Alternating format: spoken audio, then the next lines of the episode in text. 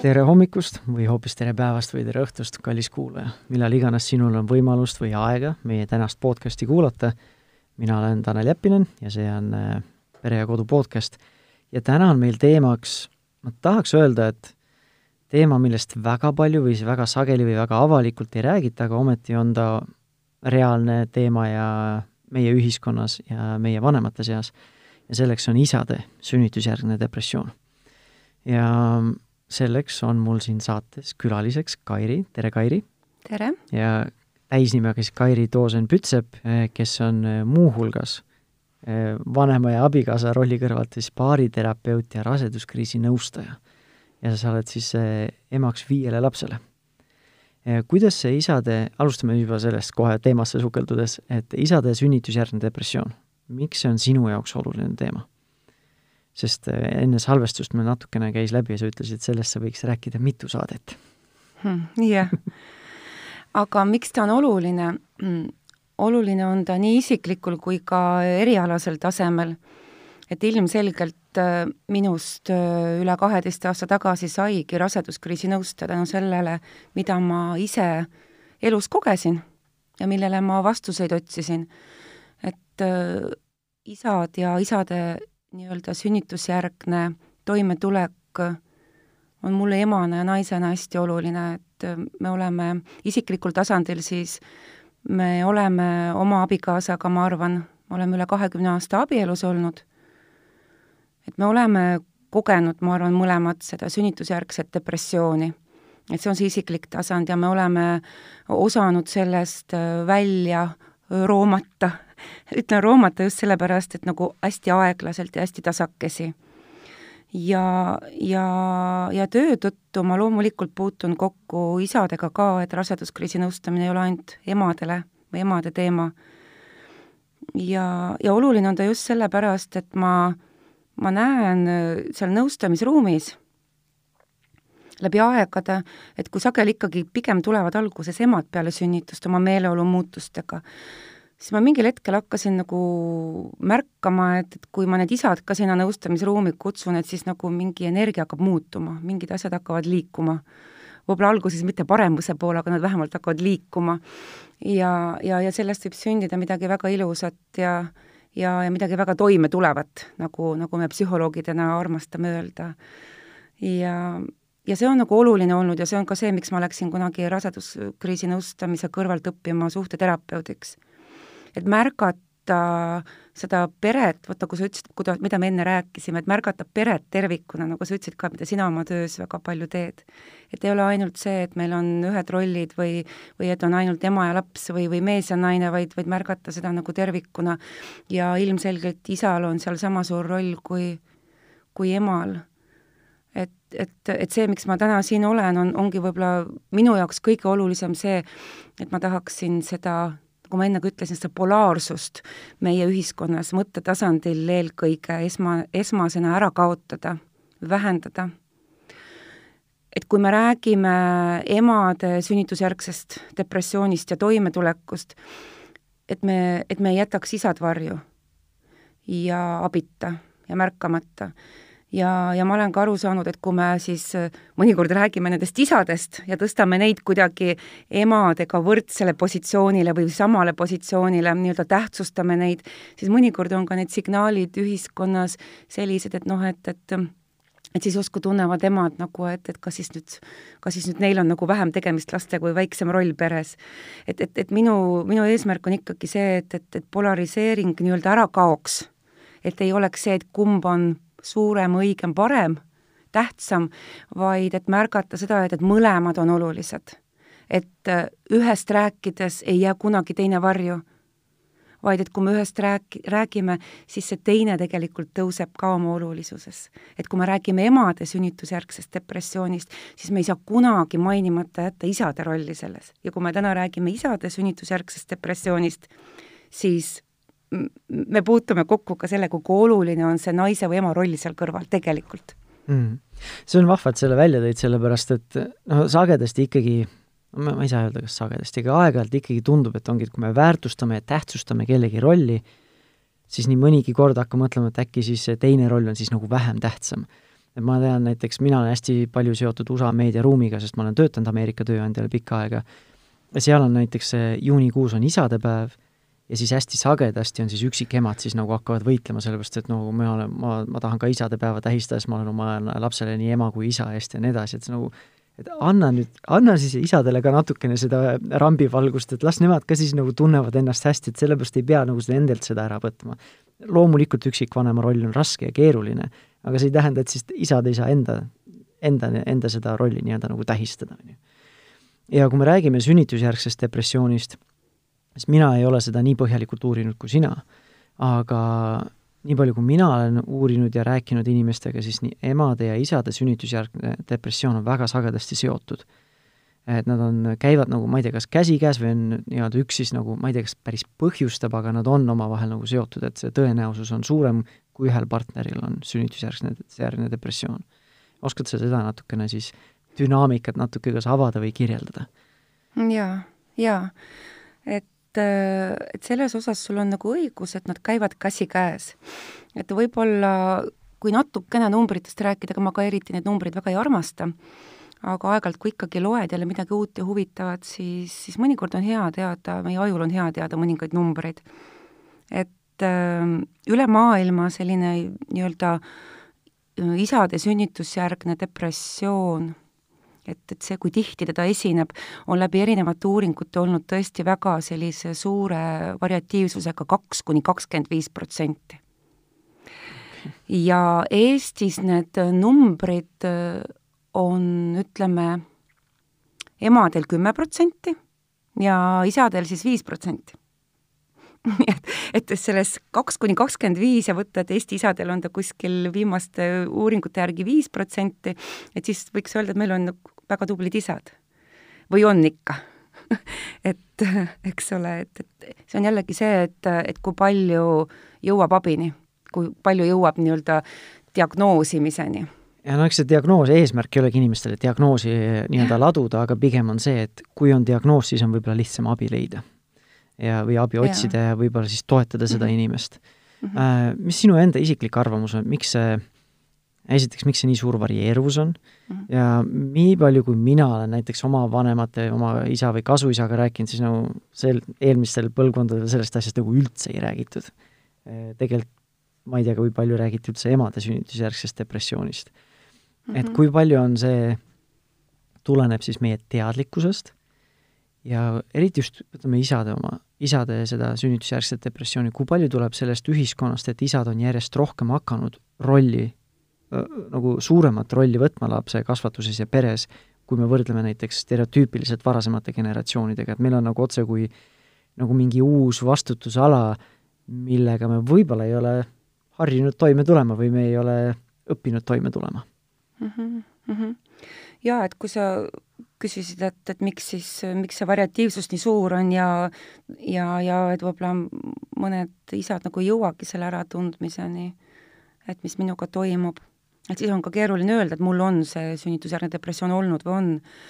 aga üks hästi suur olulisus on küll ja sa tõid juba selle välja, et hästi suur seos isade sünnitusjärgse depressiooniga on siis see, kui, kui naisel on sünnitusjärgne depressioon, mis tundub ka väga loogiline.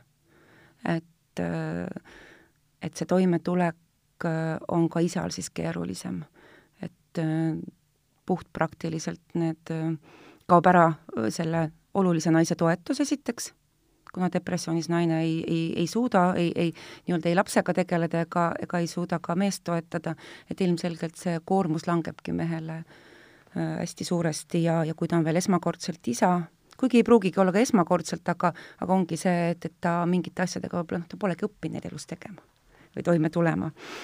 et, et üks asi, mis võib olla, kui sa küsid, miks, miks isadel võib-olla on ta kuidagi varjus, et, et siis tegelikult ta ongi varjus. et uuringud ütlevad ka seda, et, et isadel ilmneb sünnitusjärgne depressioon natukene nii-öelda teistsugusel kujul või teise intensiivsusega. ta on nagu vähem ilmne. ehk siis sümptomid on väga teistsugused? jah, et ta on nagu vähem väljapoole. see tähendab seda, et et mees on pigem endasse tõmbunud ta on rohkem eemal see ei tähenda, et ta ei ole ärritunud, aga see ärrituvus on rohkem sissepoole, mitte väljapoole näha. Ja, ja loomulikult mingil hetkel ka uuringud ütlevad, et, et sinna, sinna võib, see võib ilmneda lõpuks kulmineeruda ka sellise nii-öelda vägivaldse käitumisega, kuhu on ka nii-öelda nagu noh, lee-, sümptomite leevenduseks see alkohol nagu, nagu sisse põimunud ja, ja tegelikult on ka see, et mis on väga oluline, mis üldse soodustab sünnitusjärgset depressiooni meestel, et nagu sa ütlesid, et see, et kui, kui ema on ka sünnitusjärgses depressioonis, siis uuringud ütlevad ka, et tegelikult hinnanguliselt on mehed öelnud, et, et, et see tõenäosus, et ta sünnitusjärgselt toime ei tule, võib isegi kasvada sellelt kahekümne viielt viiekümne protsendile et see on tegelikult nagu, see näitab see on siis, kui emal on sünnitusjärgne depressioon ja,? jah, jah. et, et tegelikult nagu see, meestel on seal ka läbi selle nende, kuidas ma ütlen, nende rollide, mis meil elus on, et me alguses oleme ju selline armastaja rollis, mehe ja naisena, eks ole. ja, ja kui siis laps sünnib, siis sinna lisandub siis ema ja isa roll, et et see, mis tegelikult mehe jaoks hästi oluline on, on see, et kaob ära nagu see naise äh, toetus. mõni ütleb selle kohta, et naise tähelepanu. olen ka kuulnud selliseid ütlusi, et ah, et mehed on nii lapsikud, et laps sünnib, siis mehed muutuvad nagu titaks, hakkavad nutma, et miks ma ei saa oma naise tähelepanu et minule suhteterapeudina ei ole see mitte mingisugune üllatus, et lausa üks uurimus on selle kohta tehtud USA-s, ma ei tea, kas kaks tuhat üksteist, et äh, kus äh, siis äh, isad, kes tunnevad peale sünnitust oma partneri toetust, siis nendel isadel on tugevamad emotsionaalsed sidemed oma lastega, ehk siis nad on suutnud luua neid sidemeid rohkem ja sügavamale. kui tal on see naise toetus, ehk siis väga loogiline.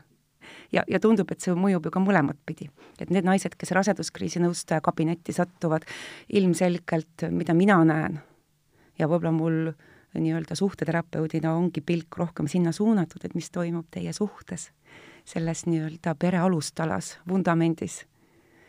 et, et üheksakümmend üheksa protsenti naisi, ükskõik mis murega nad ei tule oma beebiga või peale sünnitust, see kulmineerub alati sellega, et mul ei ole oma partneri toetust. võib-olla see on ainult hinnanguline, aga see on oluline ei no kui ta on, isegi kui ta on hinnanguline, siis see on selle osapoole reaalsus nagu no.. täiesti. aga ehk siis see on nii-öelda jutumärkides üllatus-üllatus, et, et ei isad ega emad funktsioneeri või ei eksisteeri vaakumis, et see, me oleme kõik nagu omavahel seotud. ja mõjutame nii-öelda üksteisega vaimset tervist, kaudselt või otseselt.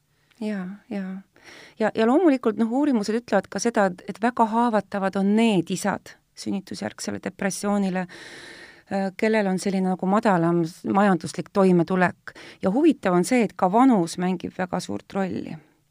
et mida nooremad isad vanuse poolest, et seda suurem on risk äh, kogeda sellist sünnitusjärgset depressiooni, noh, mis minule jälle võib-olla räägib pigem läbi kogemuse seda, et, et ongi lihtsalt neil ei ole seda kogemust veel. võib-olla ei paarisuhte tasandil nii sügavat veel, et et ja kui, kui ka siis seda nii-öelda seda ema-isa või isa rolli siis, kuidas lapse eest hoolitseda. et üks väga oluline aspekt, mis veel mõjutab isade sünnitusjärgset toimetulekut, mis on mulle endale isiklikult väga südamelähedane ja väga oluliseks ma seda pean, on see, et äh, isadel endil puudub eeskuju. ja see on väga palju seotud meie perega, selle kohaga, kust me tuleme, nende inimestega, kes meid on kasvatanud. et see terve suhe oma isaga. ja ei ole lugenud, aga jällegi terapeudina väga loogiline, et ka naistel on see ema roll väga palju seotud sellega, milline ema minul oli. tundub loogiline mm. -hmm. ei no, eks ta niimoodi ongi. aga mm -hmm nii-öelda argumenteerides, et ma ei oota, et sul nagu põhjapanevad vastused, aga miks see, äh, miks see on nii, et on äh, mehed või isad, äh, kes on siis, on tundlikumad või vastuvõtlikumad sellele sünnitusjärgsele depressioonile, kes on siis majanduslikult kehvemas olukorras või kes siis on nooremad vanuseliselt. majandusliku poole pealt ma saan aru, et kui, eriti kui me vaatame lääne ühiskonda, Skandinaavia ja tegelikult Eesti saab ka sinna panna, kus meil on võrdlemisi nii-öelda toetav vanemahüvitissüsteem, ehk siis pere, kui üks vanem, üks vanem jääb koju, siis pere sissetulek ei muutu drastiliselt, ei muutu poole võrra, ei vähene. Versus näiteks Ameerikas, kus sellist, sellist äh, sotsiaaltoetussüsteemi ei ole, siis kui ema jääb koju, siis isale langebki nagu topeltkoormus, äh, eriti kui ta ongi madalama sissetulekuga pere, siis et ellu jääda, et toit oleks laual, et katus oleks äh, pea kohal, siis ongi see, et ma matangi ennast täiesti töösse ja ma lõikan veel rohkem ära ennast sellest pere, pere nii-öelda liikmest või äh, isa rollist, on ju. et see võib-olla mingil määral nagu ma mõistan, et kuidas see majanduslik olukord või see nii-öelda see on seotud või mõjutab seda, aga see vanus, miks see on nii? sa ütlesid, et võib-olla on kogemust vähem, äh, elukogemust või mis sa, mis sa arvad? no nii nagu meie ju kunagi oleme sündinud mingisse suhtesse, mingist suhtest mingisse suhtesse, et meil kõigil on kas siis reaalselt või ka bioloogiliselt, aga meil on olnud, meie emal või isal on olnud mingi suhe meie isaga või selle materjaliga. Et me oleme tegelikult kõik, me kõik sünnime, meie lapsed sünnivad ju ka suhtesse, et, et see, milline suhe on varem olnud, et et see on hästi oluline ja, ja võib-olla tõepoolest, et see, see vanus, et nagu ma ütlesin, see üks on see kogemus, üleüldse see kogemus, et kui me täna ütleme ikkagi seda, vähemalt me märkame seda, et, et see selline sotsiaalne küpsemine tegelikult justkui meile tundub alguses, et ta on nagu ühest küljest hästi varajane, me ütleme, et meie lapsed on hästi küpsed varakult, tegelikult noh, nii mõnigi teismeline võib välja näha nagu täiskasvanud inimene. aga et see sotsiaalne küpsemine on võib-olla tegelikult hoopiski nagu mulle mõnikord tundub nagu pigem hilinenud, et, et ühest küljest seda võibki mõjutada see heaoluühiskond, et meil on kõike muud ka, mida võib-olla kolmkümmend aastat tagasi ühel isal nagu ei olnud eriti valida. me ju mäletame, et, et tol ajal paljud ju otse keskkoolis sünnitasid tüdrukud ja, ja et see oligi justkui ainukene valik noh, nagu et eluga kuidagimoodi edasi minna, aga need valikud, mis tänapäeval on, et need on ühest küljest ju väga head, sest me saame valida kolmkümmend aastat rohkem tagasi me ei saanud valida.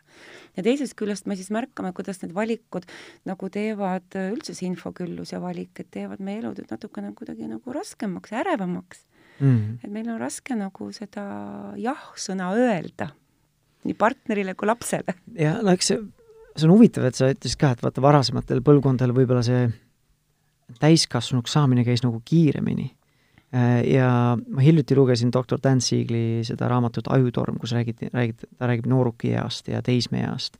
ja ta tõi sedasama välja, et kui varasematel põlvkondadel sagedasti see nii-öelda see hormonaalne nii-öelda küpsemine ja siis reaalselt nii-öelda täiskasvanulik olemine olid väga väikese ajalise viitega.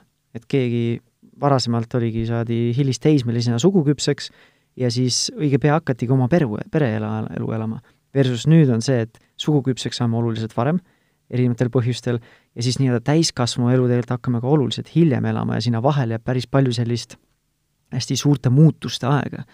ja, ja võib-olla vähem ka vastutuse võtmise aega, et noh, mind vähemalt isaks saamine tegi oluliselt küpsemaks või täiskasvanulikumaks, sest nagu vastutus oli suurem, see ei ole ainult see, et no teen, mis tahan, Äh, nüüd pidi nagu reaalselt ühe väikese inimese eest nagu vastutama, tema heaolu ja tervise ja äh, kõige selle eest vastutama. et siis, äh, et võib-olla need kaudselt kuidagi nagu on seotud. aga teine asi, mille peale ma mõtlesin, et kas seda on üldse uuritud või, või kas sa oled olnud kuulnud või, või näinud, et kui palju on see sünnitusjärgse depressiooni ilmnemine just näiteks isadel seotud ka see nii-öelda selle suhtestaažiga, et kui pikalt on vanemad ennem koos olnud, et kui kui palju nemad on siis nii-öelda nende suhete Ameerika mägedel äh, sõitnud, et nad on kogenud erinevaid suhtekriise, sealt välja tulnud, et on nagu see enesekindlus olemas, et see on lihtsalt mingi periood, versus see, et noh, nüüd ongi, kõik on pekkis ja see juba läheb ja suhet ei ole ja laps ja ma ei oska midagi ja ei suuda ja nii edasi mm. -hmm vot selle staaži kohta ma ei oskagi öelda, küll aga on päris palju uuringuid just selle kohta, nagu ma enne ütlesingi, et milline see suhtestaatus või millised üldse need lähisuhted hetkel on. ja, ja siin võib tõmmata, siin võib ka edasi minna mitte ainult paarisuhte peale, vaid üldse, kuidas päris, päritolupered peredega need suhted on, sellepärast et sealt tegelikult see toimetuleku selline lisajõud sageli tuleb, et väga sageli tulevad perede raseduskriisi nõustamisse ja, ja nad ei küsi abi päritoluperelt. Nad ütlevadki, et ma näen, et neil on kiire või öeldaksegi, et ära sega meid, meil on oma elu, et meil ei ole võimalik ja nii edasi ja nii edasi et, et see on nagu ära lõigatud, see, see selline põlvkondade vaheline side, et et nii, nagu me Uku Aruski ju nägime, kuidas mitu põlvkonda ühes talus elasid ja kuidas see vana-vanaema toetas seal mitut põlvkonda üles, eks ole, et oma tarkusega, et tänapäeval on see kõik teistmoodi.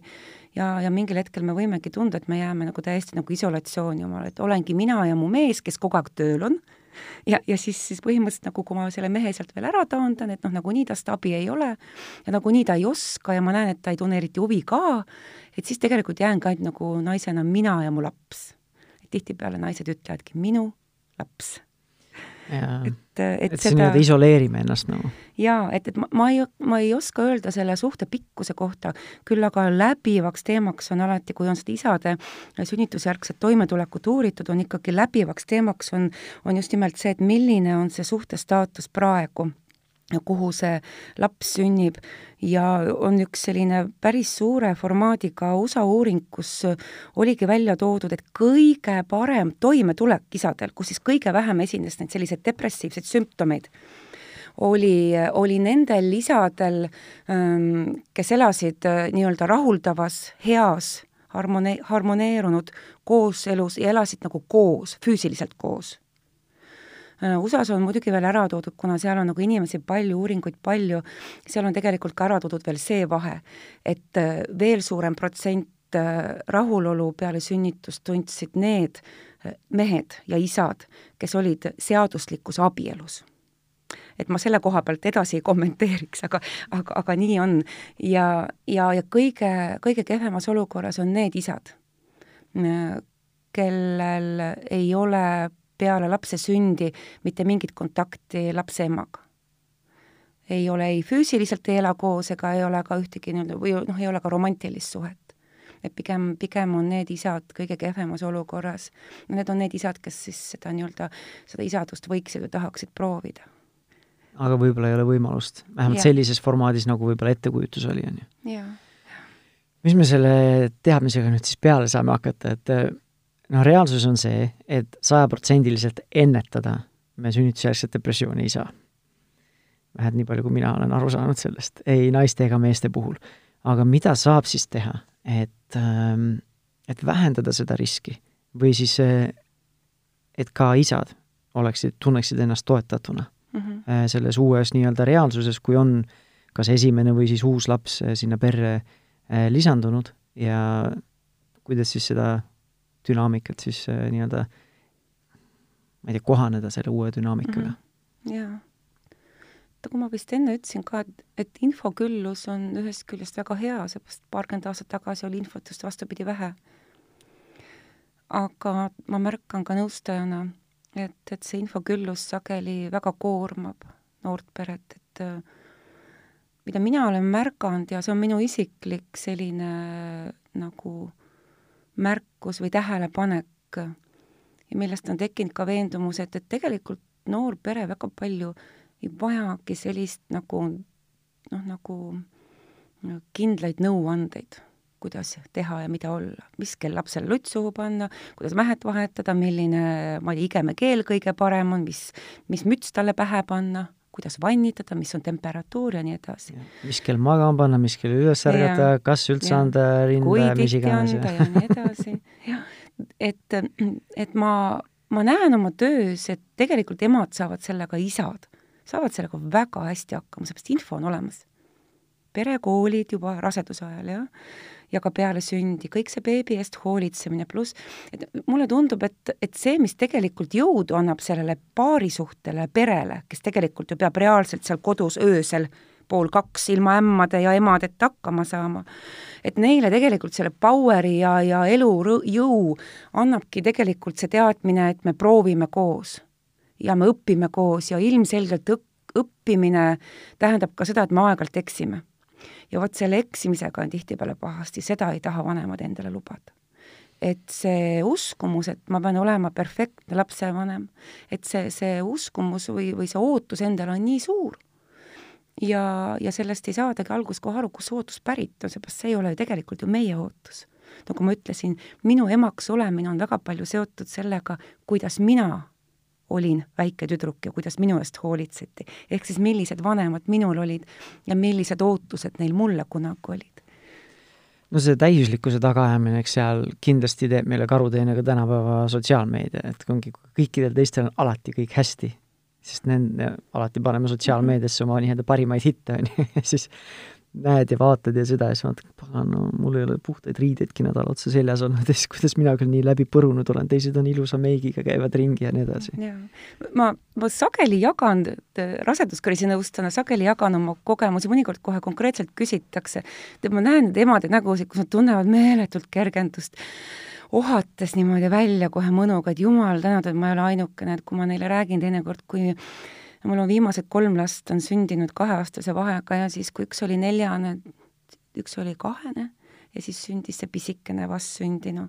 ma mäletan päevi, kuidas ma olin, noh, ma arvan, ma olin äh, tunde pesemata, magamata, söömata ja käisin pidžaamas, mis võib-olla oli vabandage väga, kuu aega pesemata, see oli mu kakskümmend neli tundi nii-öelda riietus.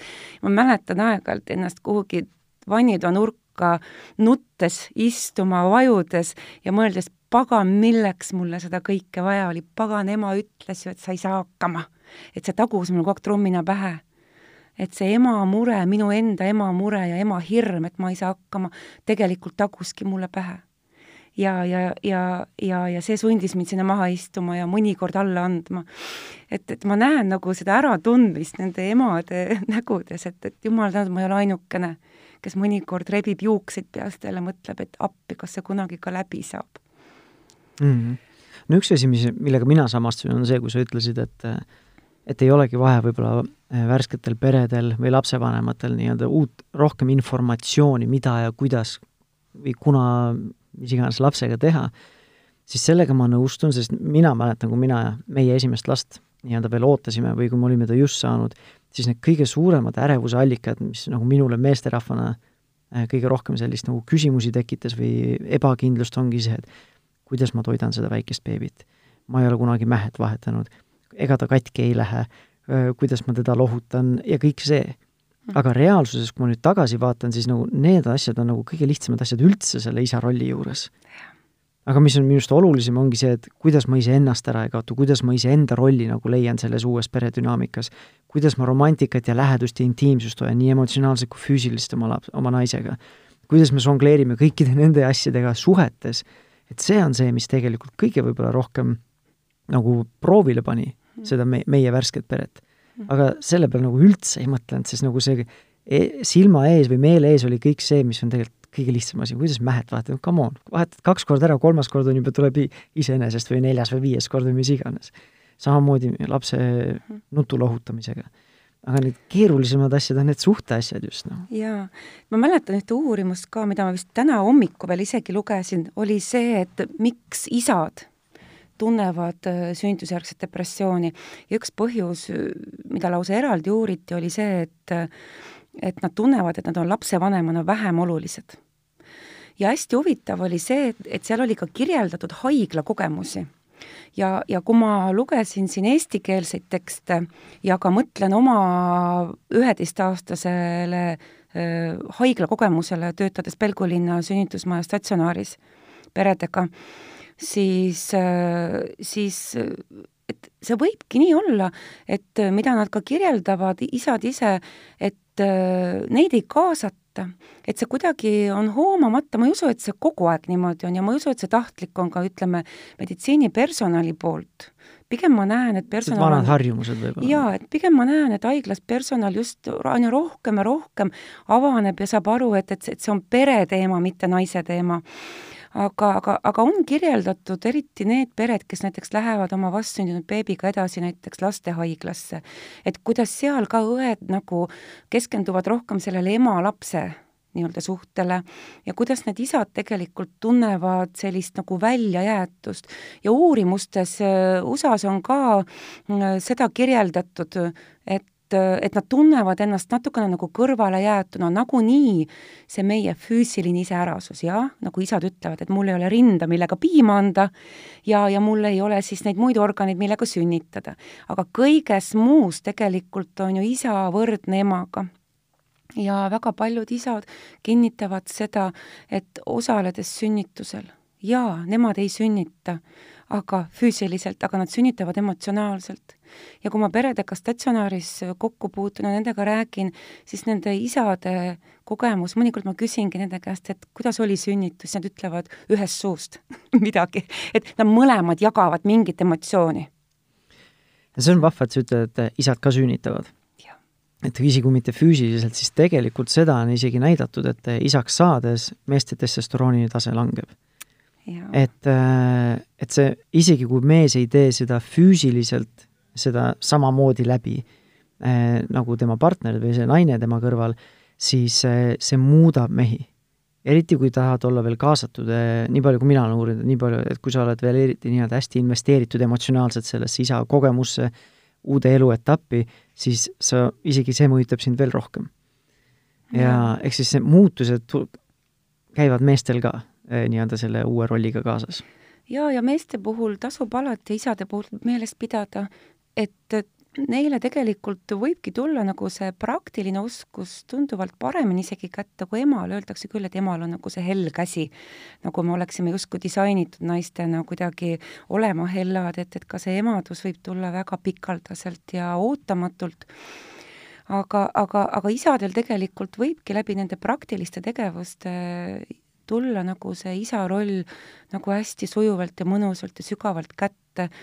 ma mäletan kunagi statsionaaris töötades puutusin kokku mitmel korral ühe isaga, kelle naine siis sünnitas ja ta oli pikalt nagu intensiivravis ja see isa oligi üksinda perepalatis oma beebiga. ja, ja, ja see ei olnud tal esimene kord. ja, ja, ja, ja ta kuidagi ütles, et et, et tal on nagu, et, et see on teda nii palju aidanud, et see on küll teda alguses nagu kuidagi niimoodi pea ees vette nagu et visatud. nain, naist ei ole kõrval. jaa ja., aga et see on nii palju aidanud tal luua seda sidet lapsega just nimelt läbi nende praktiliste oskuste, mis meestel hästi nagu välja tulevad, et see on nii vahva, kuidas isa vahetab beebimähet ja see ei ole midagi üliimelikku ja see ei ole, ja seda ei peagi nagu kuidagi nagu üle tähtsustama aga kui te korra mõtlete, peatute selle peale ja sellele, vaatate seda pilti, see on tore, kui ema ka seda teeb, see on imeline, kui ema vahetab oma vastsündil lapsel mähet või imetab teda. ja see on sama imeline, kui isa istub seal kõrval ja, ja imetleb neid mõlemat. et ma ei näe siin mingit vahet, kumb on olulisem või kumb mm. ei ole, lihtsalt need funktsioonid on erinevad ja no ma mäletan, kui mu naine oli, tütrega oli nii, sünnitusest nii läbi, et tema magas, siis ma olin ise, meie väike beebi oli mul endal palja rinna peal, tegime nahk-naha kontakti öösel nagu mitu tundi. aga selle isade kaasatuse või kõrvalejäetuse kõrval on minu arust samamoodi, nii mõnigi kord emad natukene panustavad tea, tahtmatult sinna, sest ongi, et kui isa nüüd vahetab seda mehet natukene teistmoodi, ta paneb, ma ei tea, teises järjekorras seda ma ei tea, podi või mingit asja sinna lapsele selga, et see on okei okay. Isad võivad omamoodi neid asju teha, ta ei pea tegema täpselt samamoodi, nagu ema teeb seda. et lihtsalt lubada isadel ka katsetada ja õppida läbi selle, et see ei ole see, et nüüd ema teeb õigesti ja isa on siis järelikult peab valesti tegema. Mhm.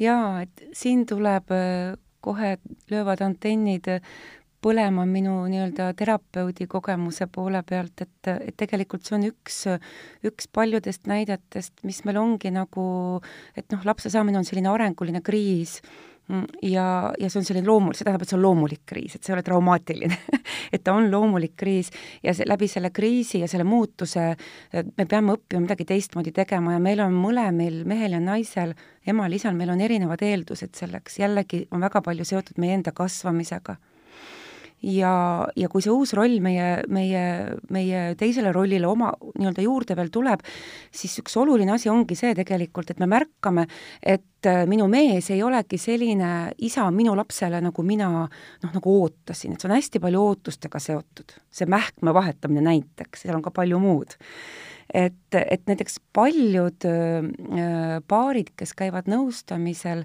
mingil hetkel nad tulevad ka suhteteraapiasse, et ongi see, et, et vot nüüd me mõistame, et me peamegi õppima nende ootustega kuidagi, neid ootusi natukene nagu tuunima nendele otsa vaatama ja neid pigem mõistma, et see on see, nagu mina ütlen terapeudina, silla loomine üksteise vahel, et et mõista seda, mida mina teen hästi, mis meie suhtes toimib, sest kui läheb kehvasti ja me oleme tükk aega beebi kõrvalt magamata ja tekib ärrituvus ja, ja väsimus ja ja me hakkame üksteisele nähvama, üksteist kritiseerima, seepärast tegelikult seal all on ju kõik need sellised ootused ja vajadused, mis on nagu kõik nagu välja rääkimata. Nad ei ole ilmsiks tulnud, ei ole aegagi teinekord, jah, tahaks magada, mitte rääkida.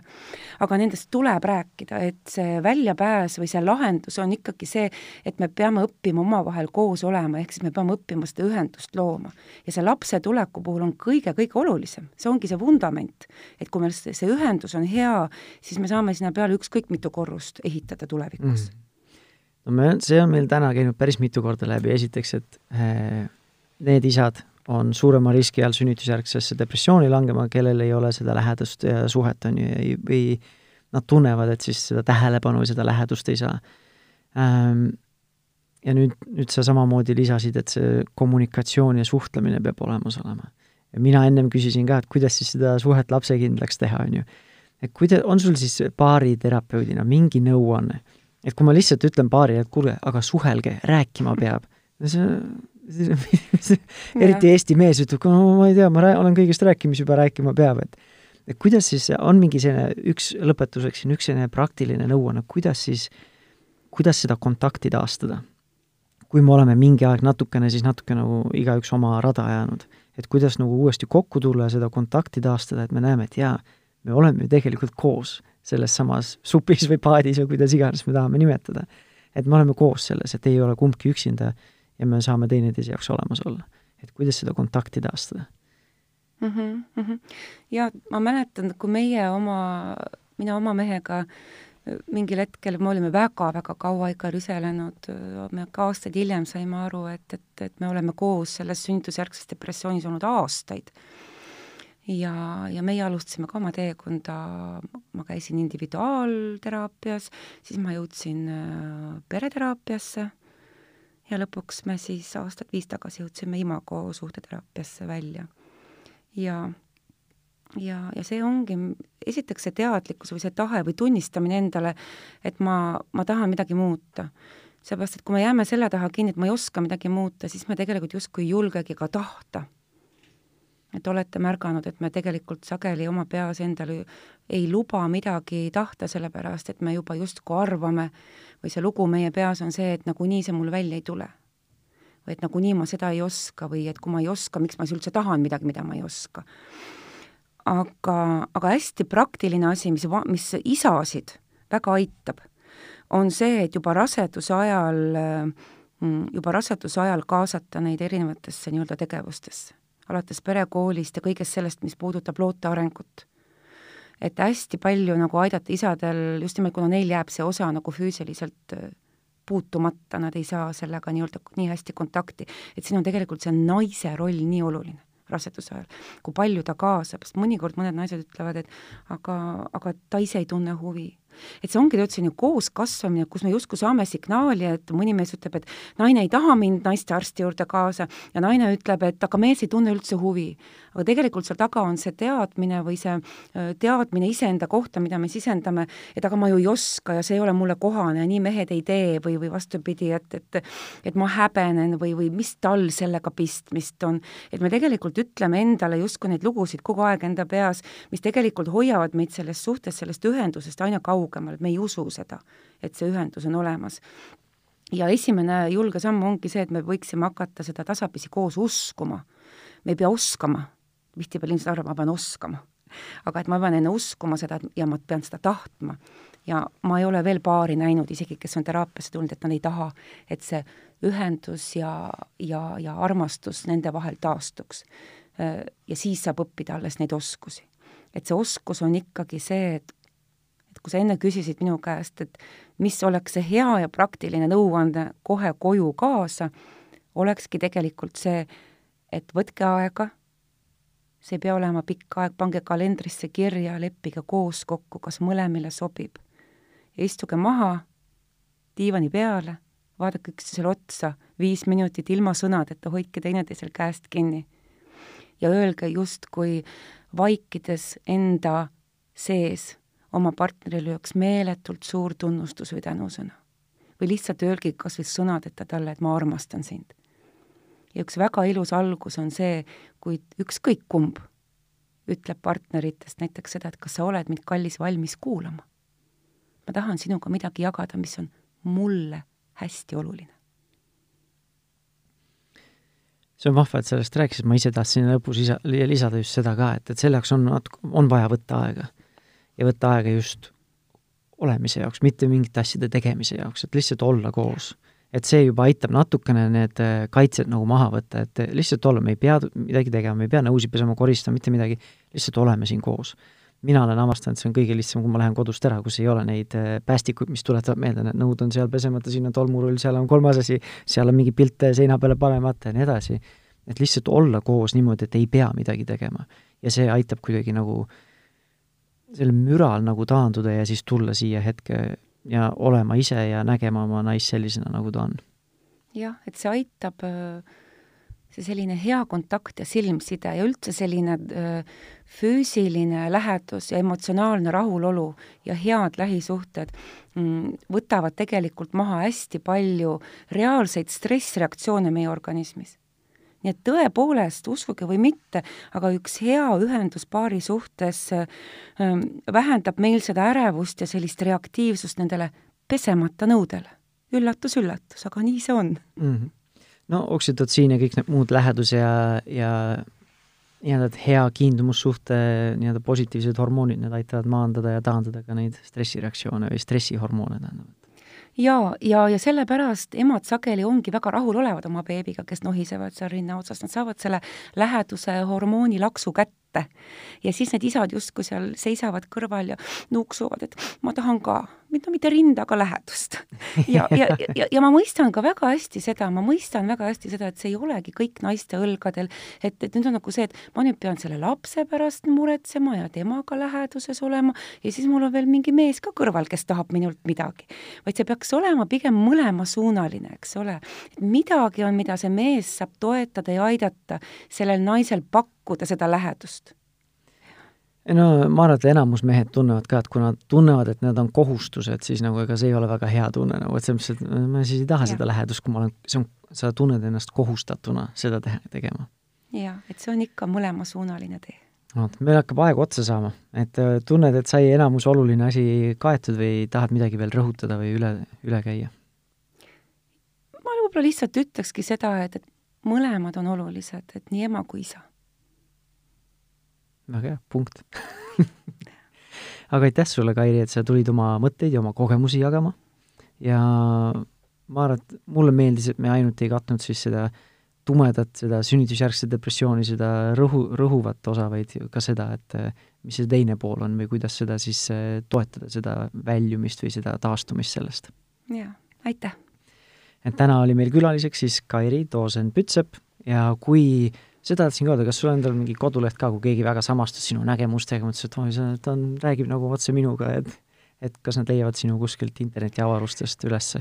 jaa, Facebookis olen ma täiesti kättesaadav nii terapeudina kui nõustajana ja, ja meil on tegelikult, meie terapeutidel, imagoterapeutidel on oma koduleht ka suhteteraapia.ee ja raseduskriisi nõustajaid te võite üle Eesti valida äh, www.rasedus.ee, nii et mõlemad on väga okay. toredad lingid. rasedus.ee ja suhteteraapia. suhteteraapia.ee ja sina olid siis Kairi Toosen-Ütsep.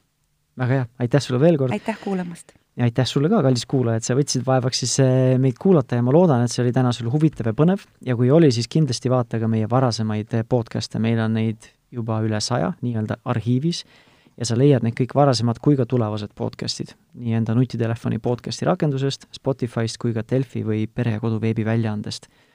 ja kui sa juba oled suur podcasti kuulaja, siis kindlasti kuula ka minu sooloprojekti Rahumeelse vanemluse podcasti. aga aitäh veel kord ja järgmise korrani, tšau!